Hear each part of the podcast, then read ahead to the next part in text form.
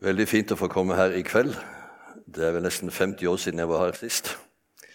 Jeg er født og oppvokst i Misjonssambandet og hørte som sagt jeg har vært lærer på Fjellhaug. Da jeg studerte teologi, så gikk jeg her i misjonssalen.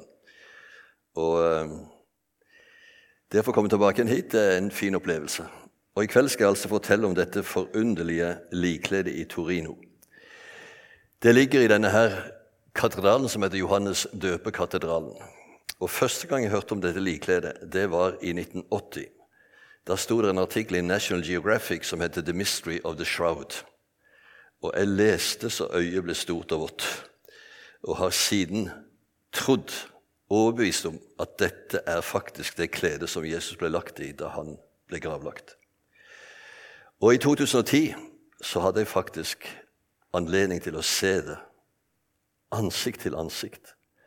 Det var en enormt sterk opplevelse å komme og stå foran dette kledet og se disse blodflekkene på kledet og vite at det var Jesu blodflekker. Jeg kom ikke nærmere den jordiske Jesus enn dette. Jeg sto og gråt i ti minutter. Og kunne nesten ikke fortelle om det siden uten å ta til tårene. Men nok av det, hvis nå teknikken virker. Torino er en by som ligger der nord i Italia. Berømt for likkledet, for Fiat, som betyr Fabrica Italiano Automobile Torino. Og for noen som er interessert i fotball, så kommer også Juventus derifra. Hva likkledet viser Her kom vi inn i katedralen, og du kunne høre en knappenål falle. Dette kledet er 4,42 meter langt og 1,14 meter bredt. og Det tilsvarer en målenhet på Jesu tid som et kubit var 55 cm. Så det er altså 8 ganger 2 kubit. Og Her kan man se et svakt avtrykk av en mann i full legemstørrelse. Her er det forside, og her er det bakside. Og Vi skal se nærmere, for her er det også noen svimerker. Vi skal forklare det etter hvert. Men det å stå der ca. et kvarter, det var Utrolig sterkt. Og Kledet skal vises fram i 2025 neste gang, så bare noter årstallet og begynn å bestille billetter når det legges ut. Alle evangeliene forteller at Jesus døde omkring den niende time, dvs. Si klokka tre på ettermiddagen. Og Da begynte det å nærme seg sabbaten, som begynner fredag klokka seks. Og det var den store sabbaten. Og de har tatt Jesus ned fra korset. Han har nok stivnet litt i dødskamp allerede. Og de bærer han til graven og legger et linklede rundt kroppen på denne måten. Det er ikke tid til å stelle noe mer, for sabbaten begynner klokka seks. Men de skulle komme igjen når sabbaten var over. Og Da fikk de se en overraskelse. Her skal vi se litt nærmere på fremsiden. Vi ser ansiktet her, ganske svakt. Vi ser armene i kors. Vi ser blod som har kommet fra håndleddene og rundet ned langs armene. Vi ser svakt avtrykk av beina. Dette er vannflekker etter en brann i 1532. Da lå kledet i et sølvskrin i en kirke i Chambéry i Frankrike. Og Det kapellet i Chambéry tok fyr, sølvskrinet smeltet, og flytende sølv begynte å dryppe ned ved siden av kledet. Og Folk var helt fortvilet, for ingen hadde nøkkel til sølvskrinet. Men heldigvis var det en fransk låsmed som het Guillaume Pousseau. Han greide å åpne skrin og redde kledet. Det ble lappet, og vi ser da disse her stygge lappene. Men avtrykket er riktig. Og legg merke til én ting. Denne skikkelsen er naken. Ingen kunstner har noen ganger våget å male Jesus på korset naken. Men vi vet ut ifra romersk rettspraksis at de korsfestet de dødsdømte nakne til spott og spe. Og det står faktisk i evangeliet de delte klærne hans mellom seg. Jesus hang naken på korset. Bare det bevitner at dette er ingen forfalskning. Dette er et svart-hvitt fotografi, et negativ av kledet. Og her ser vi da figuren mye klarere. Personen, som jeg mener er Jesus, er ca. 1,75, kanskje 1,80. Litt vanskelig å si nøyaktig, for knærne er bøyd og hodet litt fremoverbøyd. Alder anslått til ca. 35 år, vekt til ca. 75 kg. På baksiden så ser vi at uh, håret er knyttet som en hestehale. Jøden hadde langt hår. Og så er det masse sårmerker nedover hele kroppen og sårmerker i føttene. Sårmerker også i håndleddene. Og hendene ligger i kors, og det er bare fire fingre på hver hånd. Tommelfingeren vises ikke. Jeg skal forklare hvorfor litt senere. Mannen i likkledet er den eneste vi vet om som er både korsfestet og tornekronet. Og Tornekronen var nok ikke en sånn krans som det ofte fremstilles, men mer som en hjelm som var flettet og presset ned over hodet. Og Denne hjelmen er laget av en tornebusk som kalles for spina Christi, Kristi tornebusk. Og Den har torner som er 5-10 cm lange. Og Når de så slo Jesus med stokker, står det, så fikk han masse sår i hodebunnen, og det viser også på likkledet. Etter at Pilatus hadde overgitt Jesus til døden, så lot han først Jesus piske. Og Denne tegningen viser hvordan Jesus antageligvis har stått bundet til en påle, og så har det stått en soldat på hver side og pisket med en, lære, en pisk med tre læremmer. Den ser slik ut. Det er en romersk flagrum. Den har tre læremmer, og i enden er det blymanualer for å rive opp kroppen. Og En italiensk professor i optikk som heter Julio Fanto, Fanti, han har talt sårmerkene på Jesu kropp. Han har funnet ut at det er 372 sårmerker. Og Hvis du deler det på tre, så blir det altså 124 slag. Jødene hadde en lov som forbød mer enn 40 slag, så de stanset på 39. Men eh, Romen hadde ingen slik lov.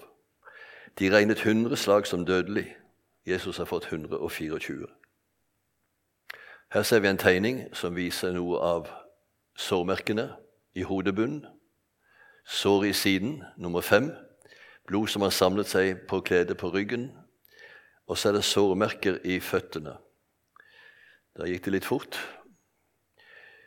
Og i disse sårmerkene på kledet der har de funnet noen små kalksteinpartikler. Meget sjelden kalkstein som heter travertinsk aragonitt. Den befinner seg ved Damaskusporten og opp via Dolorosa.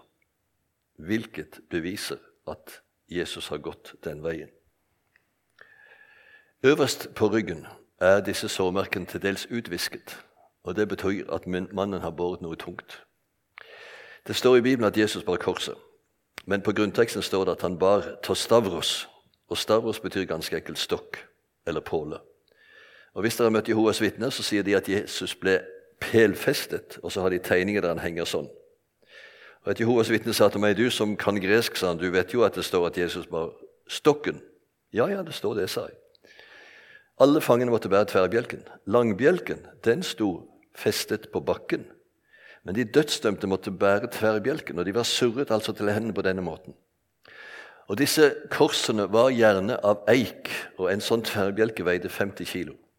Og Husk nå på at Jesus har ikke smakt mat siden skjærtorsdagskvelden.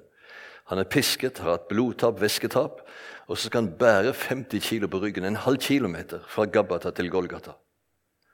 Og Da står det at Jesus segnet om. Og Derfor er det sårmerker på pannen og nesa og haka fordi han falt med ansiktet mot jorden. Og Så står det at en mann som het Simen fra Kyrene ble tvunget til å bære stokken til Golgata.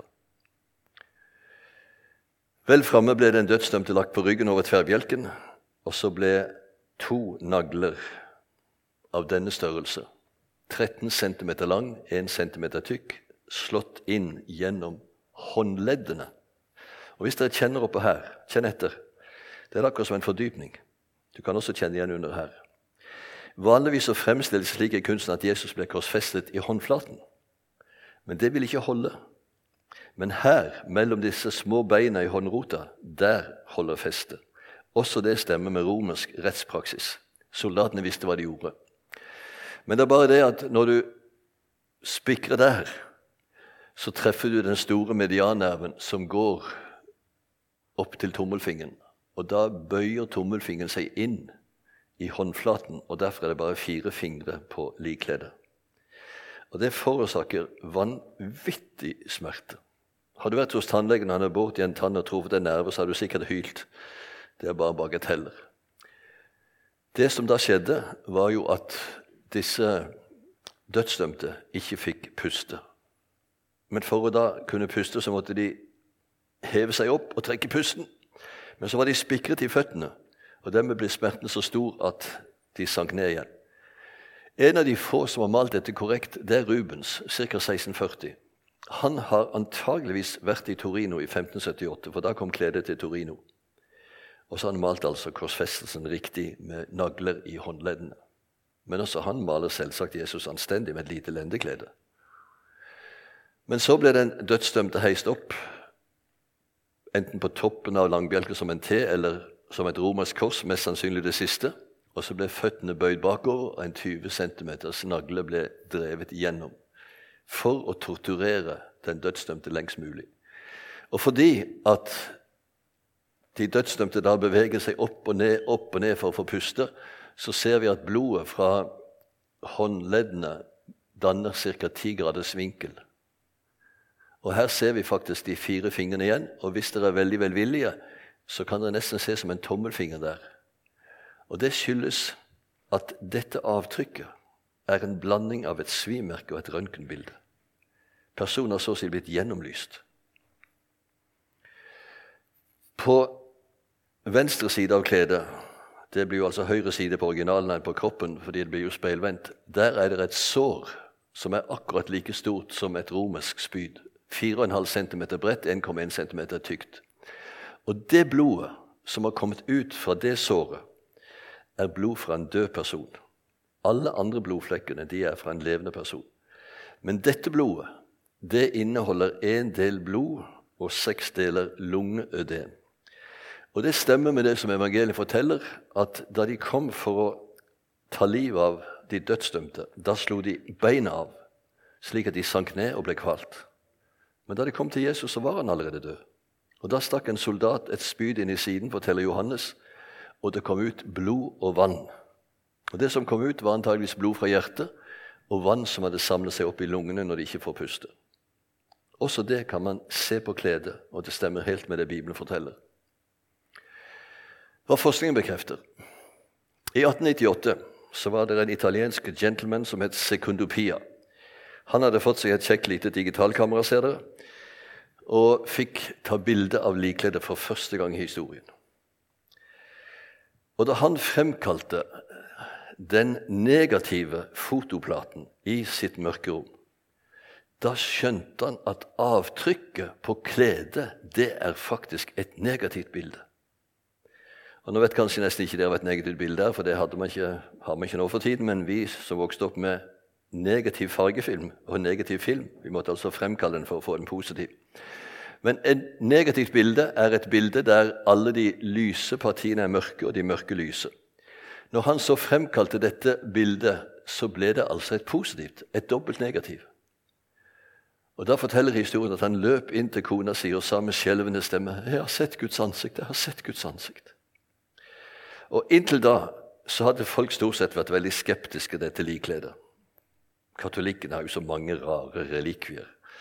I en kirke så har de en dråpe av Marias brystmelk, og i en annen kirke har de visstnok Josefs siste sukk osv. Så, videre. så det er nokså mye rare ting. Men da begynte de virkelig å bli interessert. Og Det ble faktisk dannet en egen vitenskap som kalles for sindonologi. Sindon betyr likklede. Og fra 1898 og frem til i dag har de forsket på dette kledet. Men vi har ikke tid til å gå inn på alt det som skjedde før 1973. Men da ble det for alvor fart i forskningen. For da var det en kriminolog som het Max Freisulzer, og var fra Sveits.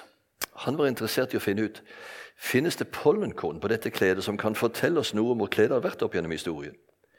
Og Ved hjelp av en meget enkel teknikk han tok bare klistret en teiplapp på kledet, dro den av og tok den under mikroskopet. Og Der fant han pollenkorn fra 58 ulike plantesorter. 33 av disse plantene vokser bare i Israel og Tyrkia. Og kledet har ikke vært utenfor Europa etter 1357. 1357. En annen professor i tekstilteknologi, en som het Gilbert Reyes, han fant ut at kledet var vevd i et slags fiskebeinsmønster vanlig på Jesu tid. Men det som var interessant, var at han fant noen små bomullspartikler i kledet. Og Det var ikke i og for seg originalt, for det viser bare at man har vevd bomullsklær også på samme vevstol som linklede. Men den bomullstypen som man fant, den vokser bare i Israel, ikke i Europa for øvrig. Så var det to kamerater borte i Colorado Springs de jobbet på romfartssenter. De hadde utviklet en billedanalysator som kunne analysere satellittbilder og finne fjelltopper og daler.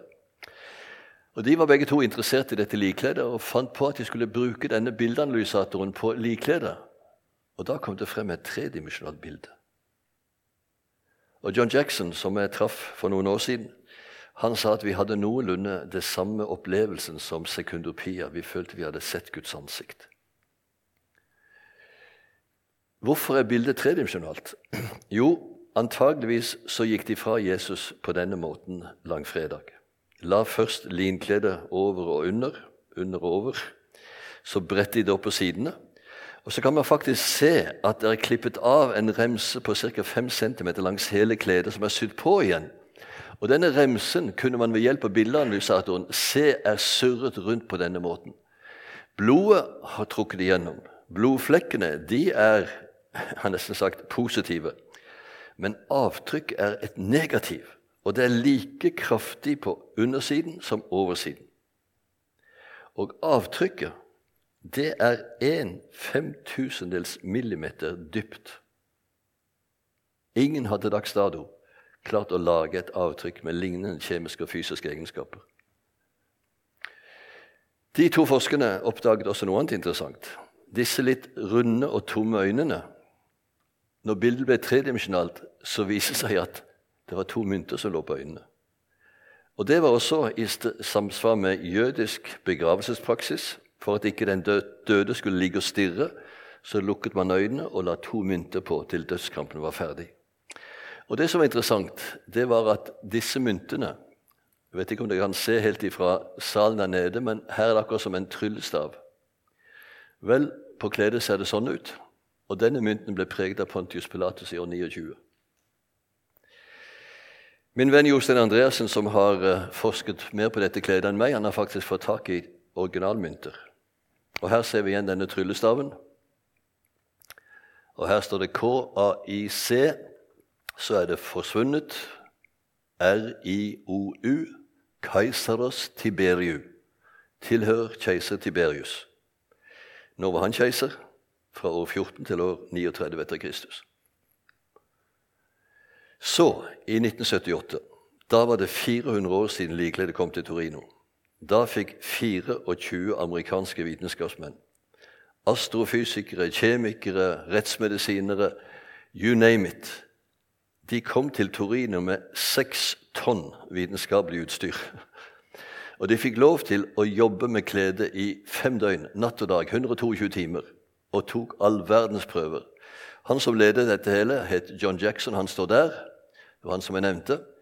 De tok 30 000 prøver, de tok 1000 blodprøver, de tok drøssevis av bilder.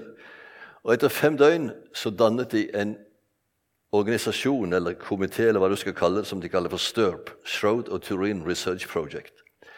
Der jobbet 400 vitenskapsmenn og -kvinner i tre år. Brukte 150 000 timer representerte 46 uten ulike vitenskapsgreiner. Og vi kan da si at dette kledet er det objektet i verden som er mest undersøkt vitenskapelig kontinuerlig siden 1898, og særlig fra 1973 til i dag. Hva var de først og fremst interessert i? Jo, er det virkelig ekte blod på dette kledet? Er det menneskeblod? Er det dyreblod? Er det malt? Men etter ca. 1000 tester, 1000 blodprøver, så kom kjemikerne Heller og Adler frem til at det er ekte menneskeblod, type AB, nokså vanlig i Midtøsten, ca. 18 av det, i Norge bare 4 Det er litt forunderlig at blod som er 2000 år gammelt, kan være så rødt. Men de fant ut at blod inneholdt en bestanddel som kalles for bilirubin. Den utvikles i kroppen når vi er i en utrolig stresset situasjon. Man kan jo si at en korsfestelse er stressende. Og det bevarer da blodet rødt. Så hadde de en stor pressekonferanse i 81.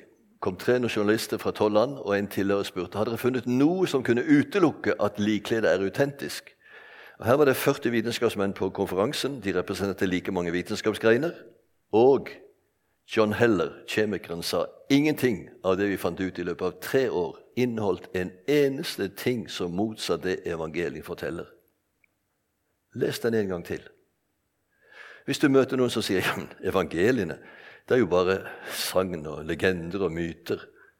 Nei, her har faktisk 400 vitenskapsmenn Kristne, ja. Noen ateister, ja. Noen jøder, til og med en mormoner.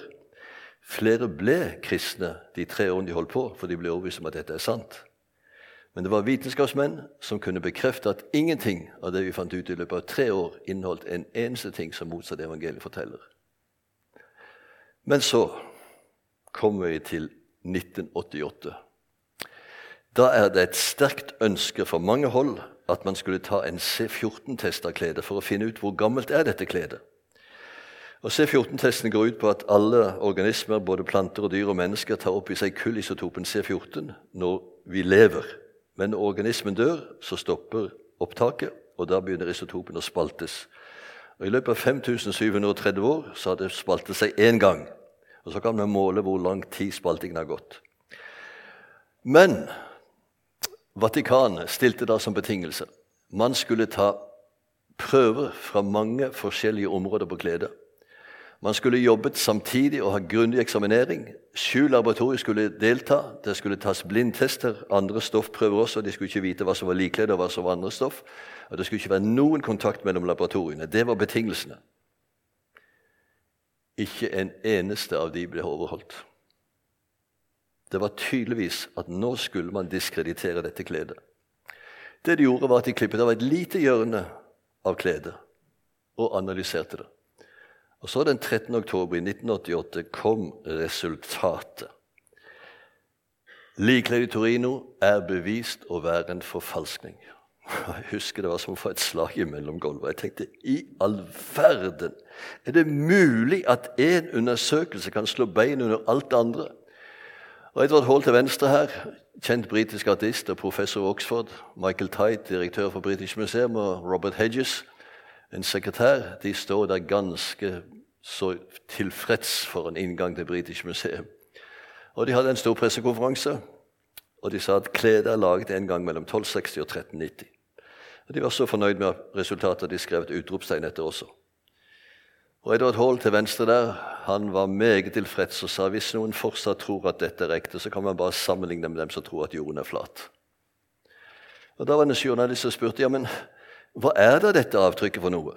Ja, sier professor Hall. Det var en mange million punds business i å lage forfalskninger i det 14. århundre. Noen fikk tak i et linstykke, forfalsket det og solgte det. That's it. Ja, er det så enkelt?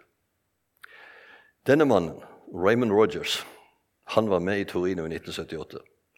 Han trodde ingenting på kledet da. Han sa 'gi meg ti minutter, skal jeg gjennomhulle det'. Men han ble en trofast forsker like til sin død. Og Han kunne ikke begripe at en eneste prøve skulle slå bein under alt. Så han satte for å undersøke dette på nytt, og fant ut at det hjørnet som de hadde klippet en liten prøve av, det var en lappe på kledet for Margrethe av Savoy, som eide kledet i 1534, hun var blitt gammel og ville gjerne ha en bitte liten bit av kledet som relikvie i sitt private kapell. Så klippet hun av et hjørne, men kunne jo ikke levere kledet fra seg med et avklippet hjørne, så hun fikk lappet det og farget det med et fargestoff som heter alsarin. Og når han gjennomlyste det med ultrafiolett lys, eller var det infrarødt kanskje, så ble den lappen svart. Og Det de altså hadde gjort, var å tatt en prøve av en lapp fra 1534. Og Da var ikke resultatet så dårlig. Men det er blitt kalt for historiens største vitenskapelige fiasko. Men ateistene tviler på dette. Og Jeg sendte en artikkel til Wikipedia og sa at alt det som står der, er feil. Ta inn dette her. Nei, sa de, det ville de ikke. At dette var galt, fikk man også et bevis for noen år etterpå. Da fant man et manuskript i Budapest, kalles for Prai-manuskriptet. Det er fra 1195, altså 65 år før kledet skulle ha blitt til. Og der ligger Jesus naken. Med fire fingre på hver hånd. Med sår over høyre øyenbryn som på kledet. Og Her står antageligvis Nikodemus og Josef og Arimathea salver Jesu legeme. Johannes står og holder i kledet. Nederst så kommer kvinnen til graven, og en engel peker på kledet og sier han er ikke her, han er oppstått. Og Legg merke til kunstneren til og med tegnet inn dette fiskebeinsmønsteret. Og Legg også merke til de som har laget en grønn firkant rundt. Vi skal se litt nærmere. Sånn ser det ut på tegningen. Sånn ser det ut på kledet. Brannmerker. Denne kunstneren har helt sikkert vært i Konstantinopel, der kledet befant seg på den tiden, og sett kledet og laget denne tegningen. I 2015 ble faktisk kledet vist frem for andre gang i dette århundret, i anledning 200-årsjubileet for en kardinals fødsel i Torino, en som het Giovanno Busco. Og Da fikk jeg møte han som står til høyre der. Han heter professor Bruno Berbris, er leder for Den internasjonale likledekomiteen. Og hadde en interessant prat med han.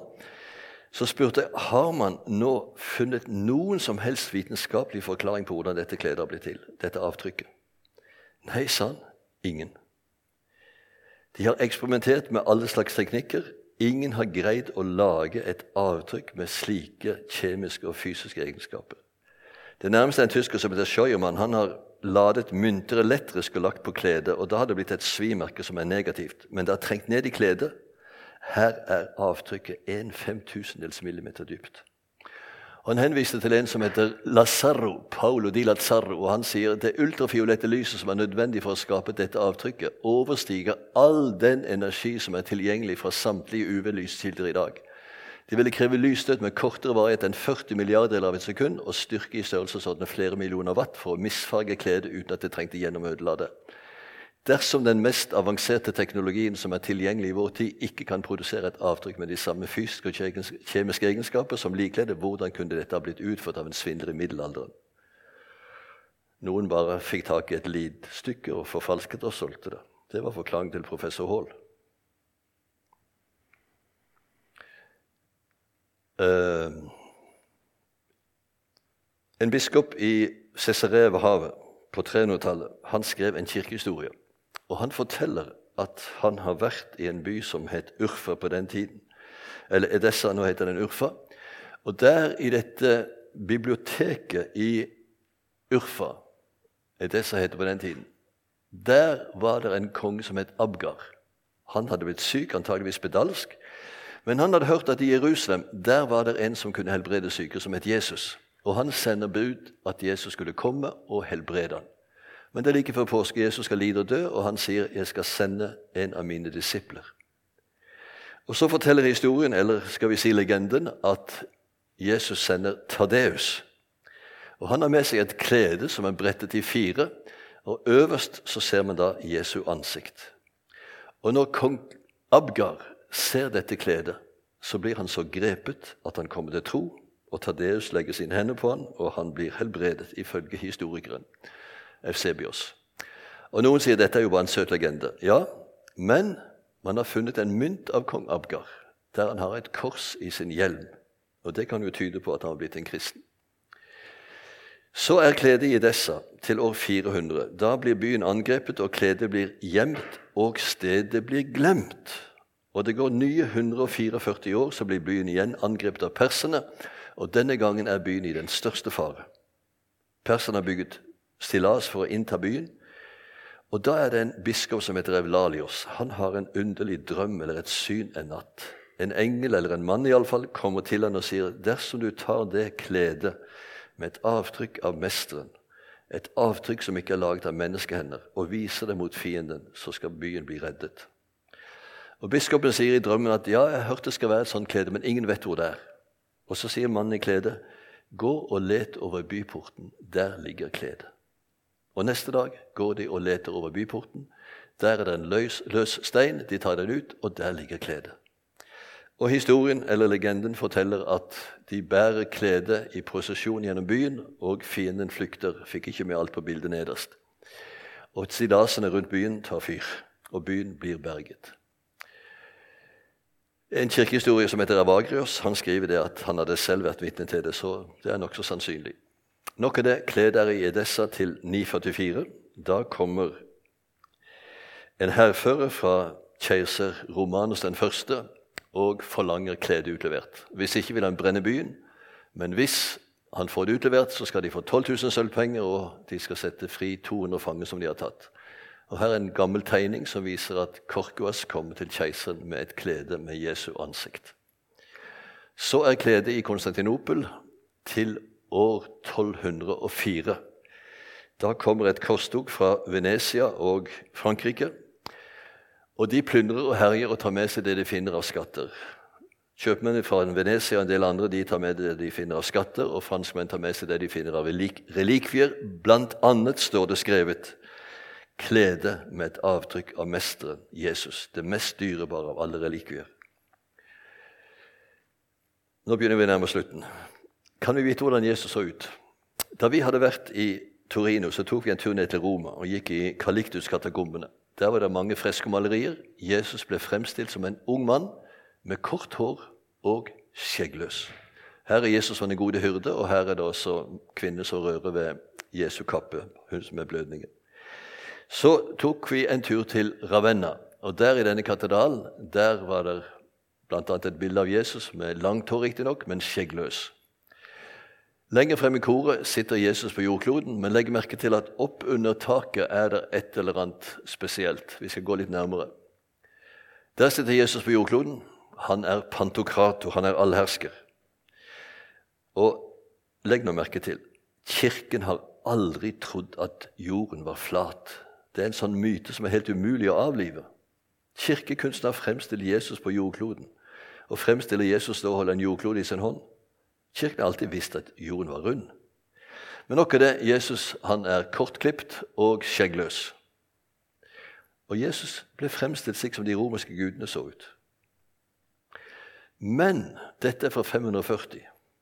Helt øverst i koret, der ser plutselig Jesus lik ut. Hva er det som har skjedd? I 544 fant man igjen likkledet i Torino. Og Dette er et av de eldste ikoner som finnes av Jesus. Det befinner seg i Katarina-klosteret i Sinai. Den kunstner som malte dette, har antageligvis sett kledet. For En amerikansk forsker han har laget to rutenett over disse bildene og lagt de over hverandre. Og da har han funnet 250 ørsmå likhetspunkter. Så det mest sannsynlige er at Jesus så slik ut. Så siste spørsmål. Hva så Johannes da han kom til graven? Ja, I Johannes-evangeliet så fortelles det at den første som kom til graven, var Maria Magdalena. Og Hun finner graven tom og løper og forteller til Peter og Johannes at de har tatt Jesu legeme bort. Vi vet ikke hvor de har lagt han. Peter og Johannes løper til graven. Johannes må fortelle at han løp fortest. Han tør ikke gå inn, men Peter kommer etter, og han går rett inn.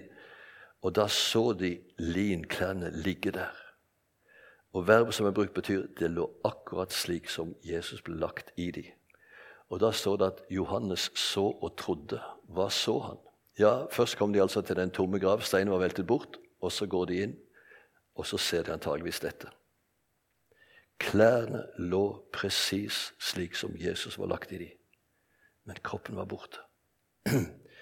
Og Da skjønte Johannes Jesus har stått opp tvers gjennom klærne. Tvers gjennom graven. Det er noen som tror at steinen måtte veltes bort for at Jesus skulle komme ut. Nei, steinen ble veltet bort for at kvinnen og disiplene skulle komme inn. Jesus sto opp tvers gjennom likklærne. Så enten er relikviet likkledd i Torino det mest ærverdige og talende relikviet etter Jesus Kristus som overhodet finnes, eller så er kledet det aller mest geniale, helt ubegripelig dyktig utførte menneskelige bruk som overhodet eksisterer. Det kan bare være det ene eller andre. Noen annen mulighet finnes ikke. Da de hadde denne pressekonferansen, så sa en av disse her vitenskapsmennene hvis dette er en forfalskning, så er det større mirakel enn om det er ekte. For denne forfalskeren skulle i tilfelle ha laget et negativt bilde mange hundre år før fotograferingskunst ble oppfunnet. Han skulle til og med ha plassert blodomløpet riktig, for veneblod og arterieblod altså arterieblod fra hjertet og veneblod til hjertet, er riktig plassert på kledet. Han skulle hente et pollenkorn fra Israel, han skulle laget et tredimensjonalt bilde. Han skulle ha laget et avtrykk som var en blanding av et svimerke og et røntgenbilde. Det er faktisk ingen annen forklaring enn at det var Guds veldige kraft som reiste Jesus opp fra de døde. Og Det var denne professor Bruno Berbris også sa. Det finnes ingen annen forklaring. Så konklusjon Jesus lever. Men hvis jeg får to minutter til, så må jeg si noe til.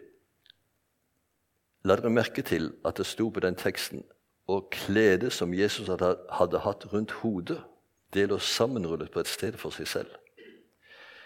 Og Jeg har sjekket opp i mange kommentarer, men ingen kommentarer har forstått hva dette er for noe.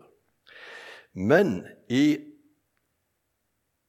Oviedo i Spania, der mener de at dette kledet, tørkleet som Jesus hadde over hodet, det har de faktisk tatt vare på.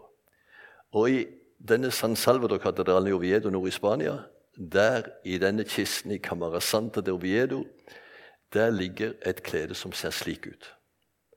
Det er et sånn et klede som jødene går med rundt halsen. De bruker det, det er støv i lufta til å puste, de tørker svetten med det. Og jøden har jo den tro at livet er i blodet. Så når en person dør en voldsom død, så samler de opp blodet og gravlegger blodet sammen med den døde. Og når de har tatt Jesus ned fra korset, så har de faktisk surret et sånt klede rundt hodet på han. Båret han til graven, og så har de kommet til graven, og så har de bare trukket dette av og lagt det ved siden. Og man kan faktisk følge historien til dette også. Hadde jeg hatt en time til, så skulle jeg tatt dere med på den vandringen, men det har vi ikke. Men nok er det alle studier som har vært gjort på sudaria, altså hodeklede, fra 1985 og til dags dato, viser at det er dekket ansiktet på det samme korsfestede offeret som på likkledet i Torino. Det er bare blodflekker, ingen avtrykk. Men hvis du legger disse blodflekkene over Torino-kledet, så er det 90% match. Hvilket beviser det er det samme person som har ligget i disse kledene. Dette hodekledet vises fram tre ganger i året, på langfredag og den 14. september og 21. september. Og i 22. neste år skal jeg være reiseleder til Oviedo for å se dette hodekledet den 21.9. Bli med. Neste gang likkledet viser seg i 2025, noter året. Og la meg si helt til slutt Nå har jeg visst holdt på litt for lenge. Men mange mennesker tror at døden er det siste vi mennesker skal møte. Nei, Jesus er den siste vi skal møte. Og vi er i adventstiden. Og vi både minnes Han som kom, og Han som kommer til oss, og Han som en dag skal komme igjen. Og det står i Filippene 2 at når Jesus Kristus kommer igjen, da skal hvert kne bøyes. De i himmelen, de på jorden, de under jorden, de som allerede har kommet frem, de som lever, de som er begravd. Alle skal møte Jesus, og hver tunge skal bekjenne til Gud Faders ære Jesus Kristus er Herre. Men den dagen vil det bli to slags knefall. Det vil bli én gruppe som bøyer kne i lovprisning og tilbedelse. Han som de har trodd på, han som de har tilbedt, elsket og tjent et helt liv uten å se. Han skal de få se ansikt til ansikt. For en dag det skal bli. Så vil det være en gruppe som må bøye kne, og som må erkjenne og bekjenne at han som de har fornektet og spottet og ikke ville tro på, det var likevel sannheten. Men for dem er det for sent. Og alvoret i dette det er at hvordan ditt og mitt knefall skal bli på den dagen, det avgjøres her. Her er det vi har mulighet for å bøye våre kne og invitere den levende oppstandende Jesus inn i våre liv som vår frelser og Herre. Og Da sier Jesus selv alle de som tok imot ham, ga han rett til å bli Guds barn, de som tror på hans navn. Er vi barn, så er vi arvinger, Guds arvinger og Kristi medarvinger. Så har du ikke tatt denne bestemmelsen allerede, så ikke vent for lenge med det. Jesus lever. Han skal komme igjen. La oss be. Herre Jesus Kristus, takk at du er sannheten, og ditt ord er sannhet. Takk at vi med frimodighet kan få stole på det som evangeliet forteller, både om din lidelse og død og din seierrike oppstandelse. Takk, Jesus, at du er her nå, i denne stund og at det går an her og nå å invitere deg inn i våre liv. Og Du sier at du står ved døren og banker, Om noen åpner døren, så vil du gå inn og holde måltid. Du med ham og han med deg. Takk, Jesus, for dine løfter. Så ber jeg om velsignelse over denne flokken, Herre. At de kan være frimodige vitner på studiesteder, på arbeidsplasser, der de ferdes, om at du, Jesus, lever. Du er veien, sannheten og livet. Amen.